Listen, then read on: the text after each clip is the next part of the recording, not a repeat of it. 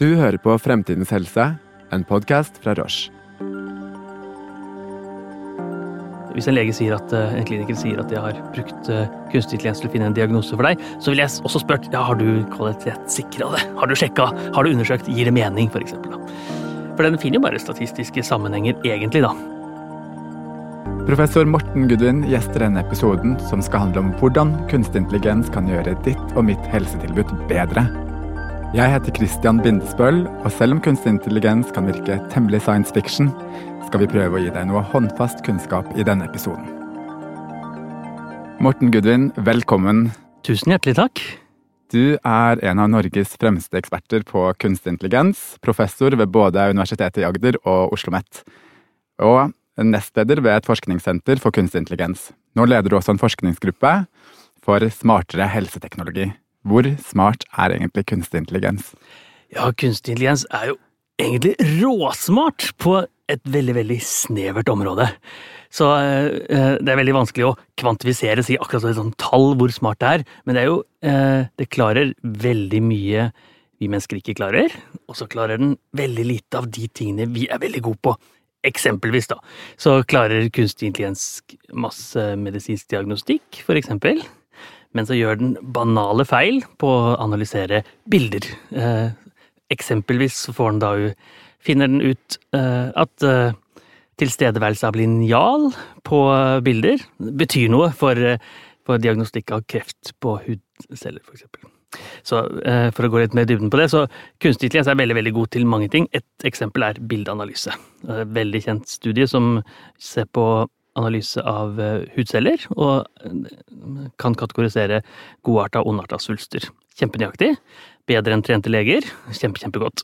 Så viser det seg den samme studien eh, hadde feil i seg. Det var noen utfordringer i bildene. Noen av bildene hvor det var sykdom, hadde en tilstedeværelse av en linjal. For det var som, Hvis man mistenker at dette er en syk svulst, så legger man en linjal ved siden av for å måle størrelsen.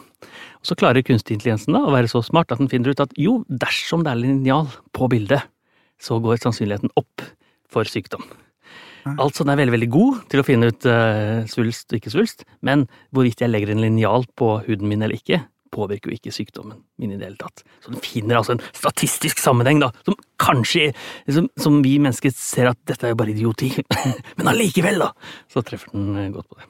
Spennende. Vi skal komme mye mer tilbake til eksempler eh, senere, men eh, jeg tenkte å ta et par skritt tilbake. Hva er egentlig kunstig intelligens?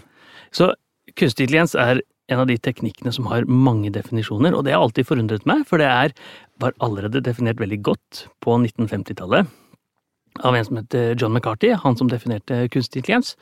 Og det er intelligent oppførsel i kunstig materie. Eh, og intelligent oppførsel er Eh, videre definert som kompleks problemløsning. Eh, og det betyr altså hvis jeg som biologisk vesen gjør et eller annet smart, ikke så ofte da, men hvis jeg gjør det, spiller sjakk eller et eller annet sånt, ikke sant, så er jeg da ikke kunstig intelligent. Men hvis en robot eller en kalkulator eller en iPad gjør det samme, så er det da kunstig intelligent. Altså hvis en eller annen kunstig maskin, dataprogram, gjør noe smart, løser en kompleks oppgave, så er det kunstig intelligent. Men så viser det seg at veldig, veldig mye av det vi da kaller kunstig intelligens, er dataprogrammer som er trent opp. Og da faller det også innunder det som kalles maskinlæring. Det betyr at man da gir masse eksempler på bilder. Sykdom, ikke sykdom, og så skal den kunstige intelligensen da, på en smart måte, finne ut hva er det som er mønstrene i sykdom, hva er som er mønstrene i ikke-sykdom.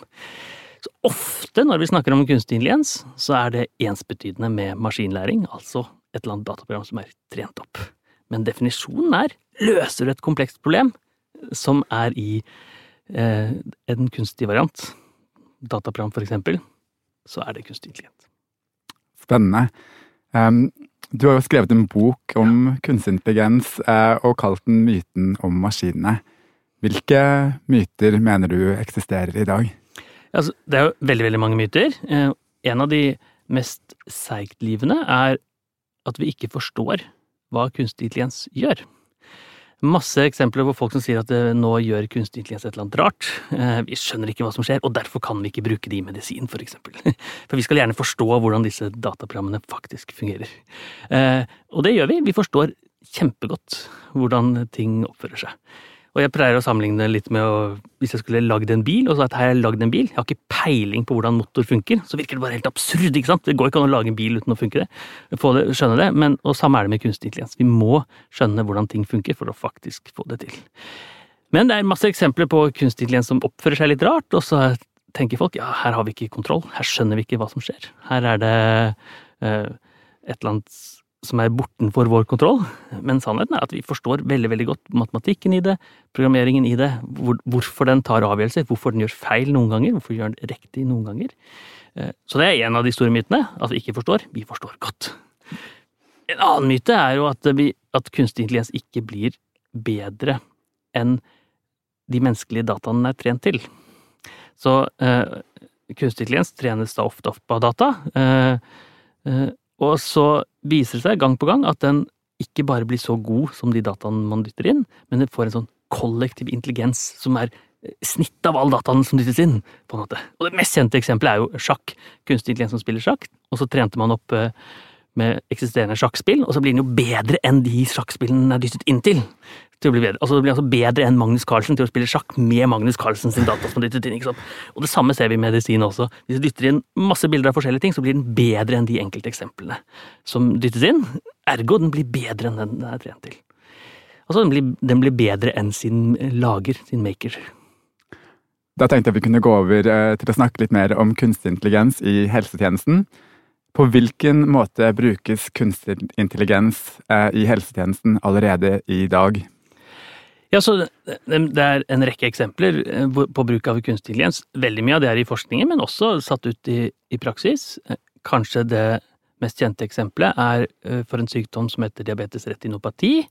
Det handler om diabetes. Man, hvis man har diabetes, så kan man bli blind. Det er en skummel ting som kan skje. Og det handler noe om blodkarene som er i ferd med å sprekke på baksiden av øyet. I 2013 var det vist i forskningsverden at dette lot seg gjøre med kunstig intelligens trene opp med masse eksempler på retinopati og ikke-sykdom-bilder. Eh, og så gikk det et par år, så blei dette satt ut i praksis. Det blei CE-godkjent i USA. Det blei sendt ut i rurale India, hvor da man kan komme eh, som en pasient, få analysert eh, øyeeplet sitt raskt og få en veldig veldig høy nøyaktighet på om du har retinopati eller ikke. Så da er det i steder hvor det ikke er tilgang på så mange leger, som er et godt eksempel. Og så Bildeanalyse er et sted hvor kunstig intelligens gjør det veldig godt. Så det er sånne ting som analyse av MRI, analyse av røntgen. Eh, ser man etter svulster, eh, for eksempel, så kan kunstig intelligens fungere veldig godt. Der er det ikke Praktisk bruk er jo litt mindre der. Og sikkert mange grunner til det, som vi sikkert kommer tilbake til. Men mulighetene ligger der, i hvert fall. Eh, og så er det utvikling av nye medisiner for et knapt år siden så kom eh, Google, DeepMind, eh, med en metode som kalles AlphaFold, som forteller hvordan proteinene i kroppen bretter seg. Så eh, DNA består av aminosyrer som er proteiner, og de oppfører seg på en spesiell måte. Og de bretter seg på en spesiell måte, og når du skjønner hvordan de kan brette seg, så kan du også skjønne hvordan medisiner får bivirkning osv. Så, videre. så veldig mye sånne ting som man kan skjønne fra det. Tidligere så brukte man krystallografi og litt sånn avanserte teknikker. Nå har Google brukt kunstig intelligens for å gjøre akkurat det samme. og ikke bare gjør de det bedre enn enkelteksempel, men de klarer å bare massivt få til nesten alle proteiner på samme måte.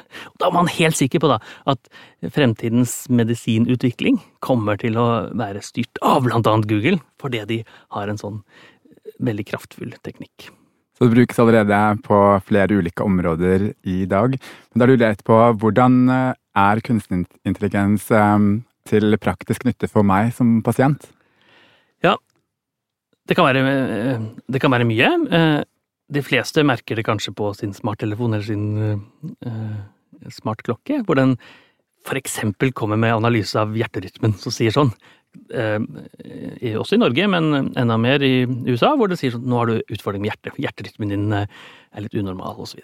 Uh, og så er det positive og negative ting, for da har du liksom fjerna legen helt, og så har du sagt at nå er det pasienten, som kanskje ikke engang er pasient, som får beskjed om, beskjed om, dette. Og det er vanskelig for en vanlig pasient å skjønne falske positiver og falske negativer og sånt. Så det er litt utfordrende. Men jeg tenker enda mer så er det det at de trente legene, enten det er i kreftbehandling eller andre steder, får økt innsikt. Eh, Så vi vil alle uh, ha leger som har tid til å se på, uh, analysere oss, og ha all den informasjonen man skal ha. Så jeg pleier å sammenligne det litt med et, med et nytt røntgenapparat. Altså, legene har et røntgenapparat, kan se på innsiden av kroppen, og så har de kunstig intelligens som kan gi enda mer innsikt. Og når legene får enda mer innsikt, så blir det jo lettere for meg, bedre for meg som pasient, for da gjør legene mer riktig. Altså det er verktøy som legene får, som da til gjengjeld hjelper pasienter. Dette høres jo veldig lovende ut, men uh, blir klinikerne overflødige etter hvert? I så fall så er det veldig veldig lenge. Jeg tror ikke klinikerne blir overflødige. Uh, og det er jo, som det er veldig mye annet uh, av bruk av kunstig intelligens, så er det verktøy som er veldig nyttig, også for klinikere. Men vi har jo sett da at kunstig intelligens blir bedre og bedre, og får til ting som, som leger ikke får til. Så sånn sett blir de overflødige i oppgaver de kan gjøre, kan du si da. Kanskje analysere røntgenbilder, eller analysere hjerterytmen, eller det er oppgaver som kunstig intelligens kan gjøre, som legen ikke trenger å gjøre. Men så er det mer enn nok da, av oppgaver for klinikerne igjen, tenker jeg. Og, og, og igjen så er det sånn, det er ekstra informasjon en kliniker får, som de kan eh, matnyttig benytte av, og de må tolkes, de må forstås på en smart måte, før det eventuelt sendes ut til, til, til pasientene. Igjen, samme som røntgenapparatet. Da det kom, så brukte man det til alt mulig rart. Man putta inn, gikk i skobutikken og så kunne få se med røntgen på skoen, bare for å se om det passa, fordi man ikke orka å bøye seg ned og klemme fram. ikke sant? Og det er litt sånn med kunstig intelligens nå. Man dytter inn overalt. På smarttelefoner, smartklokker eller sosiale medier, whatever. ikke sant? Uh, og så gjør man det til medisinsk diagnostikk, og så tenker man ikke at eh, ja, det er en kraft her som er mye sterkere, og det er klinikerne. Og det er de som skal ha den informasjonen, som skal gi til pasienter eller andre. Mm. Eh, hvis eh, en lege hadde sagt til meg jeg har brukt kunstig intelligens til å prøve å hjelpe med å forstå hvilken diagnose du har, er det noe vi som pasienter burde være litt sånn skeptiske til når det gjelder kunstig intelligens, eller klinikerne også for den saks skyld? Ja, man bør være skeptisk, absolutt, eh, for dette, dette er ikke en ufeilbar teknologi. Så man tenker ofte at teknologi skal fungere 100 eh, men det er helt utopisk når det gjelder kunstig intelligens. For den, siden den er trent opp og fungerer med sannsynlighetsmatematikk, så er det sånn at den gjør en eller annen eh, prediksjon med en viss sannsynlighet, og den har også feil i seg. Så det betyr at hvis, den, eh, hvis, den sier, hvis en lege sier at en kliniker sier at de har brukt kunstig intelligens til å finne en diagnose for deg, så vil jeg også spurt ja, har du kvalitetssikra det, har du sjekka, har du undersøkt, gir det mening, for eksempel. Da.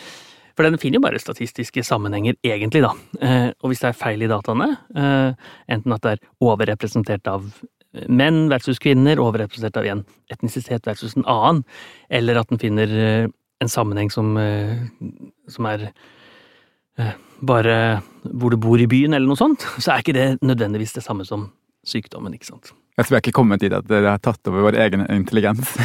Nei, det er jo ikke det. For, det, for den, den, har det som kalles smal intelligens. Og det er forskjellen på smal og generell. Smal intelligens er at den klarer å løse akkurat den oppgaven den er satt til. Og den klarer egentlig ikke å gjøre noe annet enn det den er liksom satt til å optimalisere. Eh, bare analogien i sjakk igjen. Sjakkcomputeren kan spille sjakk, ikke sant? Men, og det kan Magnus Carlsen også, men Magnus Carlsen kan også vitse på God morgen Norge eller sånt. Liksom. Det kan ikke sjakkcomputeren. Og sånn er det med kunstig intelligens også. Eh, og medisinsk, eh, medisinsk, analyse. Den kan akkurat det den er satt til. Og, er helt idiot på alt mulig annet. For Fordi det er verktøy man skal bruke og hjelpe til med. Mm. Du har jo vært litt inne på dette allerede, men hva er det mest verdifulle denne teknologien kan bidra med i helsetjenesten? Hvor er det størst potensialet? Det er sikkert mange steder hvor det er stort, stort potensial, men et av de stedene er, er jo det eh, litt eh, kjedsommelige, tunge arbeidet med å for eksempel telle celler i en, en analyse, som gjøres i dag, som kan gjøres med høyere kvalitet av kunstig intelligens, antageligvis, eh, og gi og, gjøre hverdagen enklere for klinikerne. Så det betyr at det, sånne oppgaver som gjøres i dag, men som kan gjøres enda bedre eh, med kunstig intelligens, og enda raskere. Og kanskje kan man eh, telle enda mer da, av enkelte celler man ser etter. Så det er én ting, altså man automatiserer de oppgavene som er litt kjedelige. Enten det er bilder, eller det er eh, arbeid som vi har gjort med eh, å lese pasientjournaler, hvor vi da leser lange pasientjournaler og finner ut hva er det som er det vesentlige informative her, i den store, tunge pasientjournalen. Eh, og da så vi spesielt på allergi. Er det noe informasjon om allergi som ligger i pasientjournalen? Og da er det mer enn å bare søke etter allergisk mot osv., men finner statistiske trender som gjør, gjør dette nyttig. Så presenteres med en iPad-lignende løsning for leger, sånn at de får økt innsikt. Det er det det handler om. ikke sant? Vi skal gi klinikerne mer informasjon, sånn at de kan ta en riktigere og bedre valg for meg som pasient.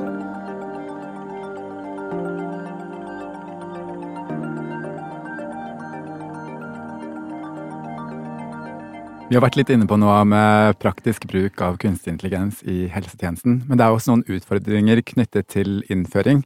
Jeg tenkte vi kunne gå litt over på, på det nå. Allerede i 2019 så laget jo Direktoratet for e-helse en utredning eh, om bruk av kunstig intelligens i helsesektoren. Hvor langt eh, har vi kommet? Så vi har kommet et stykke, for det er veldig mange eksempler på god bruk av kunstig intelligens i forskningen, men og satt ut i praktisk bruk er utfordrende, og det er flere grunner for det. Og en er at eh, teknologien ikke er kommet så langt at man tør å stole på den. Den skal klinisk testes og mye sånt. Og den andre er eh, datatilgang, fordi kunstig intelligens blir veldig, veldig god på massive mengder data. Eh, og i noen tilfeller så har vi ikke så mye data, for det fins ikke så mange pasienter. hudkrefteksempelet jeg snakket om tidligere, de brukte data fra 130 000 pasienter. Og så mange hudkreftpasienter finnes det ikke i Norge på mange år, ikke sant? Så det, er, det er, ikke mulig. Og så er det også personvernsmessige grunner for det. Så eh, man skal helst ha samtykke, eller man skal ha samtykke, for pasienter. Og det, hvis man skal spørre om samtykke til 500 000 pasienter, så er det en veldig, veldig vanskelig ting. Nå er det en litt åpning i lovverket for at eh, algoritmer, dataprogrammer, skal behandles annerledes enn klinikere på det området, men det er fremdeles sånn at uh, hovedregelen er skal vi bruke dataene dine, min uh, medisinjournal eller mine prøver, til kunstig intelligens, så skal noen ha spurt meg om samtykke først. Hvis jeg tenker som pasient, da, så er det ikke så er det egentlig ingen måte jeg kan gi fra meg den dataen på. Så jeg kan donere lungen og hjertet mitt hvis jeg går bort, men jeg kan ikke donere dataene mine på en eller annen måte. Så jeg kunne også tenkt meg at det var en eller annen sånn datadonorsystem. At eh, jeg kan si at her er dataene mine, hvis du anonymiserer de, så kan du bruke det til forskningsformål. Eh, for å forbedre eh, algoritmene i sykehuset, sånn at det blir bedre for andre pasienter. Og jeg er helt sikker på at veldig, veldig mange ville sagt ja til det. Mm. Jeg har data som jeg kan være nyttig for noen andre. Jeg trenger ikke annet enn å gjøre bare si ja, og så går det inn i en algoritme. Så det er rett og slett det er Utfordringen er at man er helt sikker på man, er, man, altså man skal være sikker på at det funker før det settes i klinisk bruk, selvsagt. Og så er det Og noen ganger funker det, og noen ganger funker det ikke så bra. Og så, hvis det ikke funker så bra, så vil man ikke ha det. Men også er det den derre datatørsten da, som kunstig intelligens har. Du har vært litt inne nå på barrierer eh, med innføringen av kunstig intelligens i helsetjenesten, og også touchet opp på løsning med at vi kan gjøre dataene våre tilgjengelige som en, eh, som en mulig løsning. Men jeg lurer også på hva annet er det vi kan eh, gjøre for å få opp bruken av kunstig intelligens i, i helsetjenesten? Antakeligvis er det ganske mye vi kan gjøre, og en av de er jo å ikke se på det, ikke ha en umulig målestokk til hva kunstig intelligens skal være. Så jeg opplever at det er en At både klinikere og allmennheten tenker på dette som noe som skal være ufeilbarlig. Skal være, eh, mens en lege, eh, som er et menneske av kjøtt og blod, hun skal ikke være ufeilbar, liksom, for det, for det mennesker feiler. Så en, rett og slett en forståelse på at for å akseptere dette inn, så må vi ha en litt annen holdning til teknologi enn det de fleste har, også klinikere. Og så tenker jeg det bør være flere store forskningsprosjekter. Det er mange som uh, gjør det veldig bra, men som også kan teste det litt ut uh, i praksis. Uh, penger til det. for de store kunstig intelligens-prosjektene er drevet av store tech-giganter. IBM, Google osv. Og, så og det er fint, og de er veldig flinke, men jeg i hvert fall ønsker ikke et helsevesen som er styrt av Google. Google helseapp, liksom. Det skal Nei. ikke være mitt helsevesen, tenker jeg.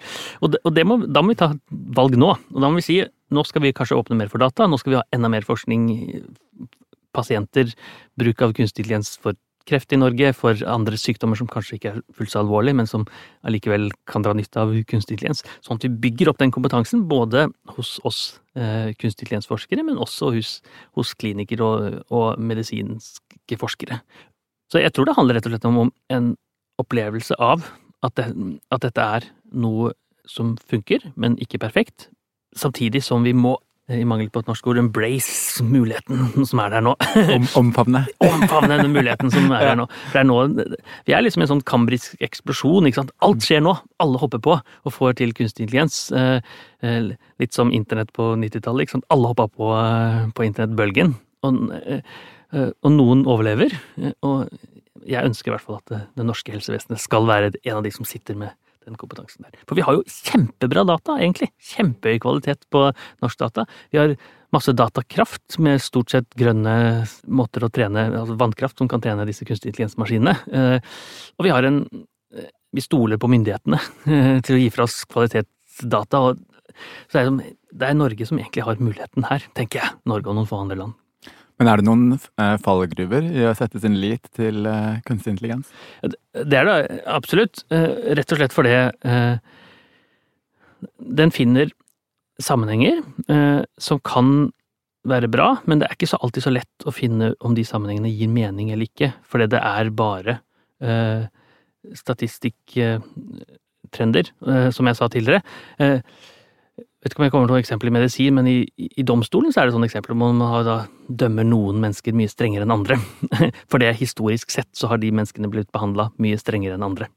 Og det er helt sikkert noen sånne eksempler i medisin også, hvor man har eh, behandlet noen mennesker forskjellig fra andre mennesker, og så finner man bare en, en eller annen sammenheng eh, som kanskje ikke er reell. Så, eh, så, hvis man stoler blindt på kunstig intelligens, eh, så, eh, så er det masse fallgruver. Men jeg tenker at en løsning på det er et tilsyn, et algoritmetilsyn. Så vi har et mattilsyn i dag som passer på at jeg spiser eh, mat som ikke er forderva, for de passer på. Vi har et konkurransetilsyn som passer på at folk konkurrerer riktig. Vi har et datatilsyn som passer på personvernet. Men vi har egentlig ikke et tilsyn som passer på kanskje noe av det viktigste, i hvert fall sånn som jeg ser det. Algoritmene som brukes. Enten det er i helsevesen, eller det er i eh, andre steder av samfunnet. Eh, altså, jeg tenker at vi bør ha for å unngå de store fallgruvene, som er eh, feil, eh, så, så bør det være et tilsyn som passer på. Og danske Rikshospitalet prøvde en kunstig intelligens fra en av de store tech-gigantene, og den foreslo eh, medisin for kreftpasienter.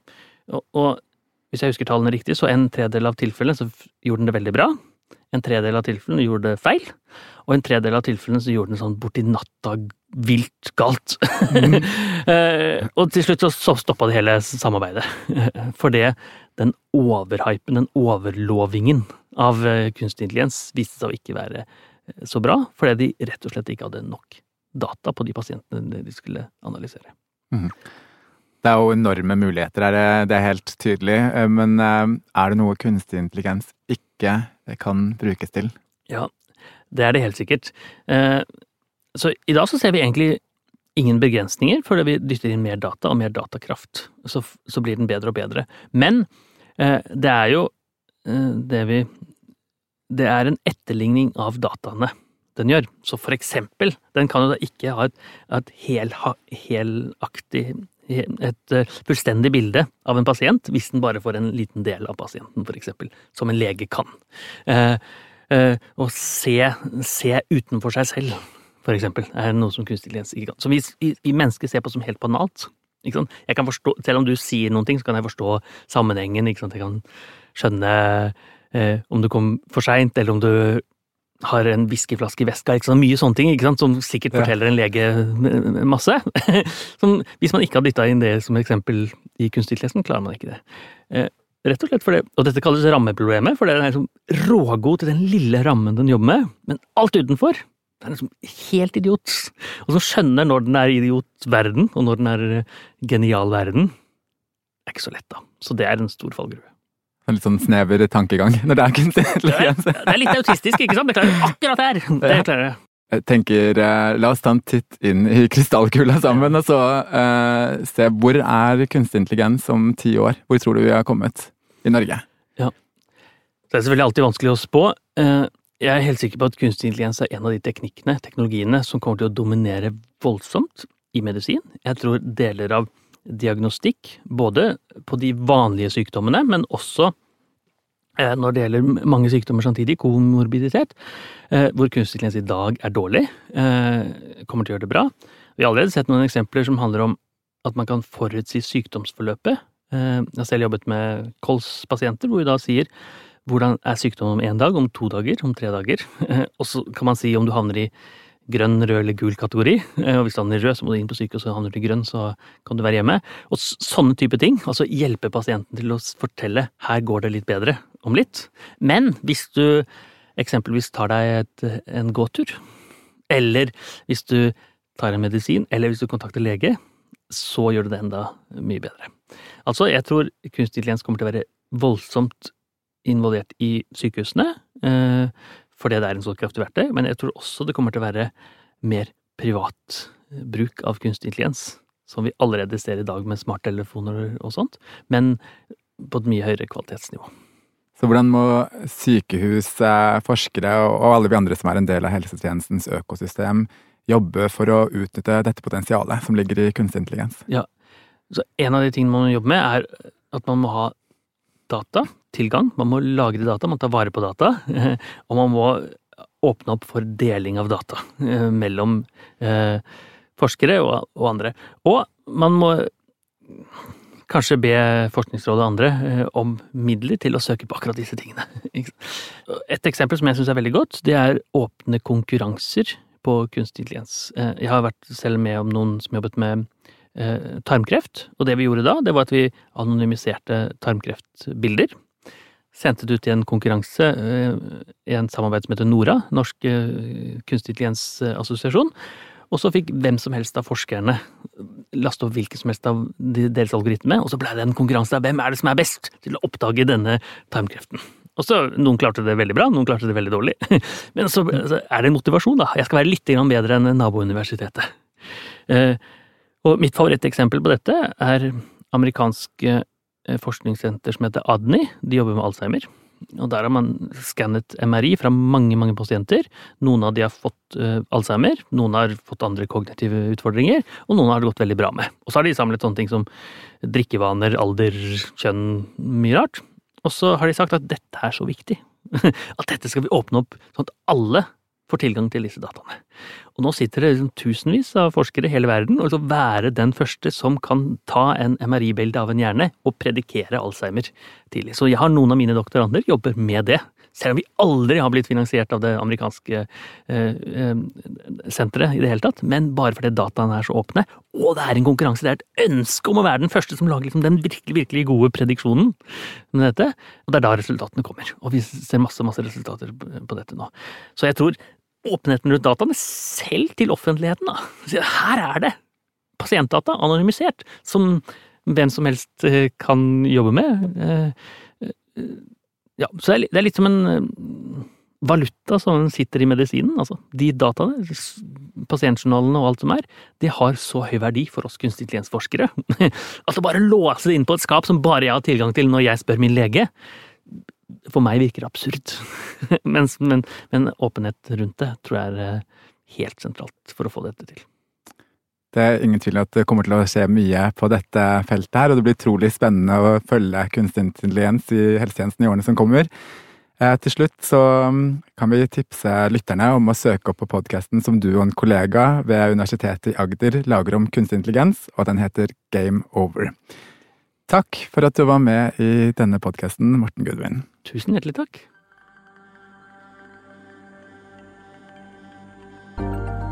Takk for at du lytter til Fremtidens helse, en podkast fra Roche. Abonner på denne podden for å høre mer om hvordan din og min helsetjeneste er i dag, og hva vi håper på for fremtiden.